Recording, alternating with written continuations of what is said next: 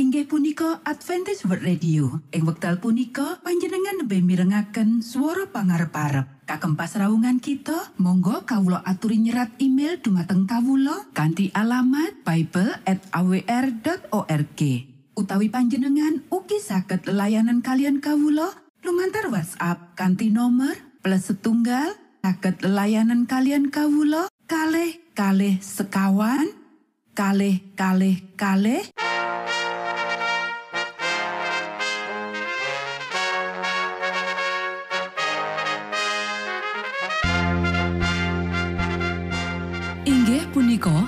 Adventist World Radio ingkang giaran kanti basa Jawi. Tentrem Rahayu kula aturaken kagem para mitra kinasih ing pundi papan lan panggonan. Sugeng pepanggian malih kalian Adventist World Radio. Kanti bingahing manah Kulo badi sesarengan kalian poro mitra kinasi. Lumantar saperangan adicara ingkang sampun rinonci. Mligi kagem panjenengan sami. Mugi giaran punika saged migunani tuwin dados berkah kagem kita sedoyo. Sugeng midhangetaken Gusti amberkahi.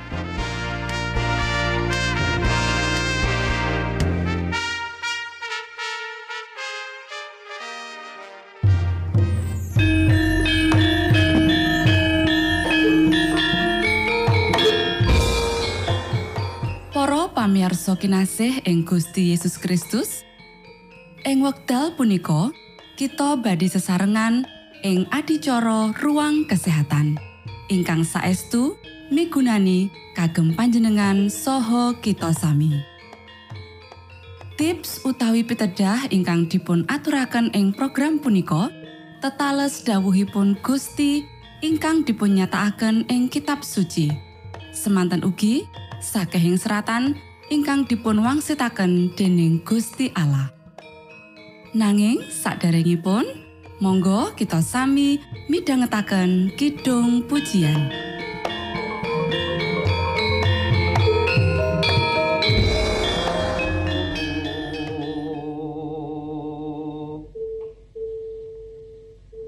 Yesus Kristus kansa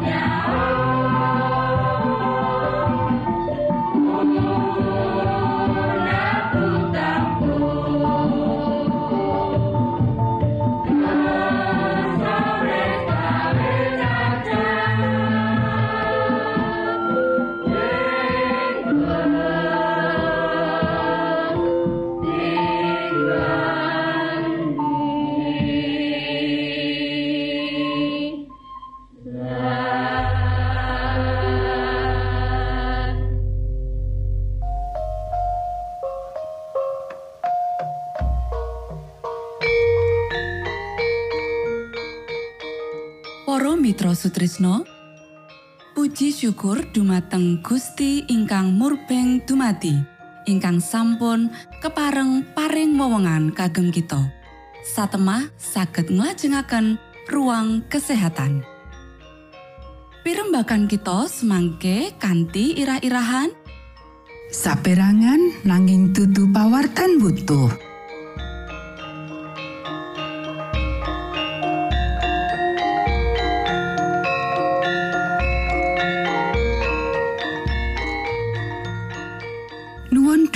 Para pamiarsa ingkang dahat kinurmatan. Sugeng pepanggian malih kalian kula Isti Kurnaidi ing adicara Ruang Kesehatan. Ing dinten punika kanthi irah-irahan saperangan nanging dudu pawartan butuh. Para sedherek ingkang kinasih, salah sawijining perangan penting pakaryan penginjilan ya iku kanthi setya nglatekake reformasi kesehatan marang titah manungsa. Kaya dene sing disambungake karo pakabaran malaikat katelu lan dadi bagian saka pakaryan sing padha. Kutune wong-wong ora gagal ngetrapake kanggo awake dhewe. Dheweke kudu mbujuk kabeh wong sing aku percaya marang kabeneran. Kaya dene sing dituduhake marang aku, reformasi kesehatan yaiku saperangan saka pakaparan malaikat katelu, loro-lorone sesambungan raket kaya dene lengen karo tangan, sesambungan raket karo badan manungsa. Aku ndeleng menawa kita cecer dadi sawijining umat kutu obah maju sakjroning pakaryan sing gedhe iki. Pandito lan anggota jemaat kutu padha nyengkuyung. Umating Allah ora sumatyo ngadepi seruan nyaring malaikat katelu. Dheweke ngujengi sawijining tugas sing dilaksanakake dhewe. Dheweke kutune ora ngejarake Allah nindakake kanggo dheweke dhewe. Iku tugas pribadi. sawijining wong ora bisa nindakake kanggo wong liya. Para sedherek ingkang kinasih, reformasi kesehatan raket sesambungane karo pakaryan malaikat katelu. Nanging iku tutu pakabarane. Para pengkhotbah kudu mulangake reformasi kesehatan, nanging dheweke kutune ora gawe tema iki kanggo ganteni pakabaran iku. Papane ana ing antarane pirang-pirang piwulang sing diwenehake dadi persiapan pakaryan kanggo ngumpliti kedadean sing katon dening pakabaran iku. Iku sing misuwur ing antarane kabeh. Kita kudu ngujengi kenceng saben reformasi nanging endanono kesan menawa kita mangu-mangu utawa sikap panatik. Para sederek ingkang kinasih, Reformasi kesehatan raket sesambungane karo pakabaran malaikat katelu kaya dene sesambungan lengen marang badan. Nanging lengen ora bisa njupuk tugas badan. Pawarto pakabaran malaikat katelu angger-anggering Gusti Allah lan pasekseni Gusti Yesus loro-lorone dadi tugas pakaryan kita. Pakabaran iku bakal diwartakake kanthi swara nyaring lan iku kudu diwartakake saindenging jagat. Pacawisan prinsip kesehatan kudu disawijekake karo pawartan iki, nanging ojo dipisahake utawa gantekake. Sanatorium sing wis ditekake kudune sesambungan raket lan ora dipisahake karo penginjilan. Gusti wis maringi pitutuh menawa Injil kudu digawa menyang ngarep. Injil kalebu reformasi kesehatan kanthi kabeh tatarane. Pakaryan kita madangi donya. Amarga pakaryan sing ditindakake lamur sakjroning menehi amaran tumrap ipat-ipat sing bakal dililakake Gusti Allah teka ing donya iki. Para pangawaling Allah sing setya kutune ngabarake amaran iki. Matur nuwun Gusti amberkahi.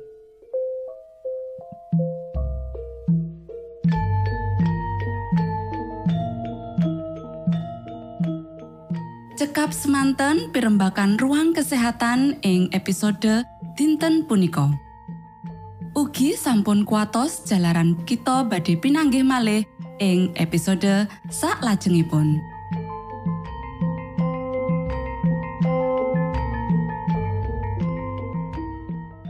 Inggih punika adicara ruang kesehatan.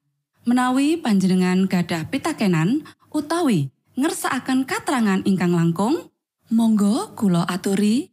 Kinton email dateng alamat ejcawr@ gmail.com utawi lumantar WhatsApp kanti nomor 025 pitu 00 songo songo papat 00 pitu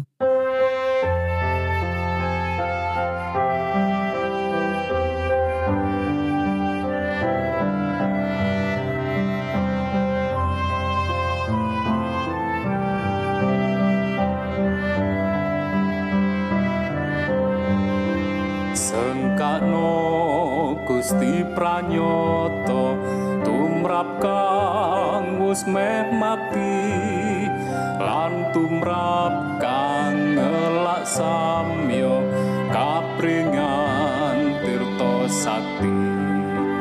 Manah kang ngasor lan suci Gusti mirsa lan nampi kang samyo wuto indriyo antuk pandulu mukti sengkakno asmeng pamarto ing ajenging projalmi sinupre mratobat samyo dados wargane Gusti.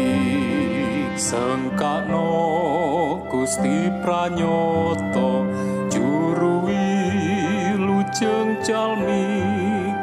Mreh Gusti kapinanggio tumrap ingkang matosi. Kata tiang sekeng sami ngupati mreh basuki. Kanging sami marek mring Gusti. Sengkakno asmeng pamarto ing ajenging projalmi. Sinupre mratobat samyo dados wargane Gusti. Sengkakno lan winartano putreng kang suci. Gusti panebus manungso tan wonten kang ngandingi sampun rujat dosa jalmi dekorban kang ati. Saoso puji Gustinyo juru wilujeng jati sengkakno asmeng pamarto ing ajenging projalmi. Sinupre mratobat samyo dados wargane Gusti. Sengkakno lan winartano putreng Allah kang suci. Gusti manungso tan wonten kang ngandini sampun rujat dosa jalmi dikurban yo kang ati saoso puji Gustinyo juru wilujeng jati. Sengkakno asmeng pamarto ing ajenging projalmi sinupre mratobat samyo dados wargane Gusti Saklajengipun, monggo kita sami midhangetaken mimbar suara pengharapan. Angkat nafiri kanti pawarto Sang Kristus paderamu umat samyo puji asmanyo. Sang Kristus paderamu Inggih punika mimbar suara pengharapan. Ing episode punika kanthi irah-irahan. Paseksen babagan kasetyane Mordekai. sugeng midhangetaken. Tandha Sang Kristus paderawo ilmu kawero tambah lan tambah. Sang Kristus paderawo paderawo paderawo Sang Kristus paderawo Shalom para pamirsa ingkang kinasih wonten ing Gusti sakmenika kita badhe midhangetaken renungan Sabtu pangantikanipun Gusti ing dinten punika kanthi irah-irahan paseksen babagan kasetyane Mordekai Para sedherek ingkang kinasih urip ing tanah wong monco Mordekai lan Esther mesti ngadepi masalah menawa tetep setya marang Gusti Allah. Mesti wae iki kang kedadean karo Mordekai. Ayo kita waca ing kitab Esther pasal telu ayat siji nganti 5. Sakwise kelakon kang kasebut ing dhuwur mau, Sang Prabu Ahasveros junjung Sang Haman bin Hamedata turune Agag diunggahake pangkate lan kalenggahake katetepake ngungkuli sakai para panggede kang ana ing ngarsaning Sang Nata. lan saking para abdine Sang Prabu kang ana ing kapuraning kraton padha tumungkul sujud ana ing ngarsane Sang Haman mau amarga pancen mangkono iku perintahe Sang Prabu nanging Mordekai ora tumungkul sujud Para abdine Sang Prabu kang ana ing kapuraning kraton banjur padha ngucap marang Mordekai Punapa dene panjenengan kok nerak dawuhipun Sang Prabu? Sarehne Pak Mordekai bola-bali dikandani mangkono saben dina, meksa orang rewes. Mulane wong kabeh mau tumuli padha matur marang Sang Haman. Arep weruh apa pratingkai mangkono iku bisa kalestarekake awit Mordekai mau wis tutur yen dheweke iku wong Yahudi. Para sedherek ingkang kinasih, Ing kitab Esther pasal telu kita nyinau yen Sang Prabu Ahasveros paring kaurmatan marang Sang Haman lan paring palenggahan kang pinunjul banget lan kebak kuasane. Saben wong kaprintahake kudu tumungkul sujud ing ngarsane Sang Haman. Kita maca lan saking para abdine Sang Prabu kang ana ing kapuraning kraton padha tumungkul sujud ana ing ngarsane Sang Haman amarga pancen mangkono iku perintahe Sang Prabu nanging Mordekai ora tumungkul sujud. Esther pasal telu ayat loro. Para sedherek ingkang kinasih, kitab suci ora njlentrehake alasan kena apa Mordekai ora gelem sujud marang Sang Haman iki.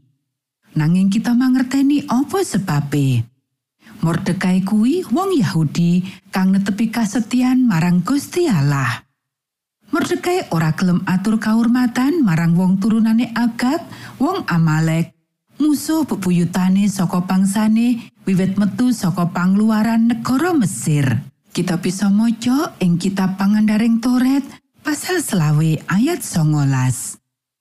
Apa ya bisa tedak turune wong Yahudi kang setya tuhu tumungkul sujud marang turunane wong Amalek utawa jroning bab iki manembah marang wong sakliyane Sang Pangeran Gusti Allah Mulane para abdine Sang Prabu kang ana ing kapuraning kraton banjur padha ngucap Punapa dene panjenengan kok nerak dawuhipun Sang Prabu?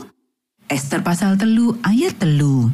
Para sedherek ingkang kinasih, sanadyan kita ora ngerti kanthi rinci kepiye tanggepane, ayat sak terus ngendika Sarehne Pak Mordekai bola-bali dikandani mangkono saben dina meksa orang rewes mulane wong kabeh mau tumuli padha matur marang Sang Haman.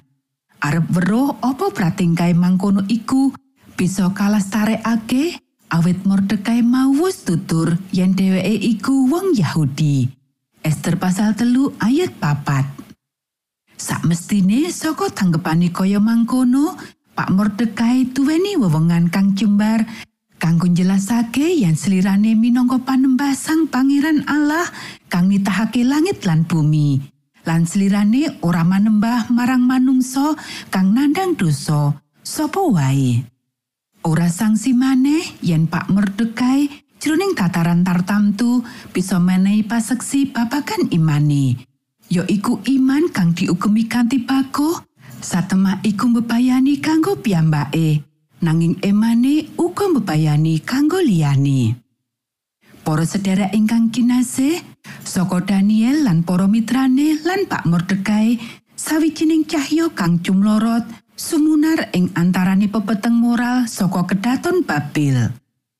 Nalika Sang Haman pengin numpes wong-wong Yahudi, kegambaran babakan wong-wong iku ya iku wonten sawening bangsa ingkang pating selebar saha kapencil ing satengahing para bangsa ing saindenge karajan Gusti Kawula. Saha ingkang adat tata caranipun beda kalian adat tata caranipun sakatahipun bangsa sanesipun. Pranatanipun Sang Prabu ugi boten dipun estokaken. Mila boten prayogi kagem Sang Nata menawi ngandelaken tiang-tiang wau anggenipun tumindak mekaten kanthi merdika. Ester pasal telu ayat wolu. Setunggal bangsa kang padatane beda lan ora nuruti angger-anggere Sang Prabu. Resep sing sampurno kanggo panganiaya. Matur nuwun, Gusti amerkahi.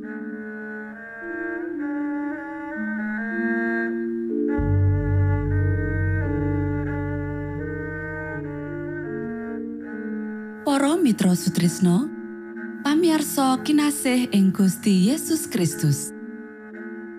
Sampun paripurno pasamuan kita ing dinten punika. Menawi panjenengan gadah pitakenan utawi ngersaakan seri pelajaran Alkitab suara nubuatan Monggo Kulo aturi kintun email dateng alamat ejcawr gmail.com utawi lumantar WhatsApp kanti nomor 025 pitu 00 songo songo papat 00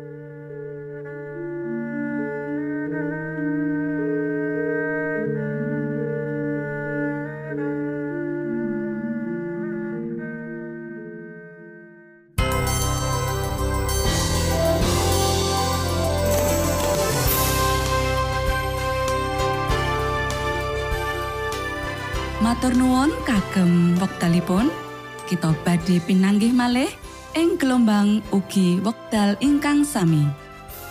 Saking studio kula ngaturaken tentrem rahayu. Gusti amberkahi kita sedaya. Maranata.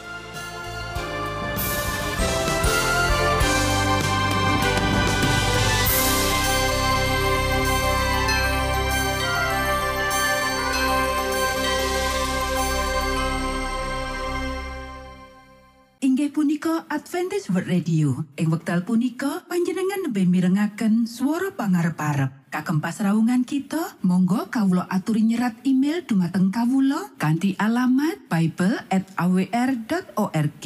Utawi panjenengan ugi saged layanan kalian kawula lumantar WhatsApp kanthi nomor plus setunggal saged layanan kalian kawula kalih kalih sekawan kalih kalih kalih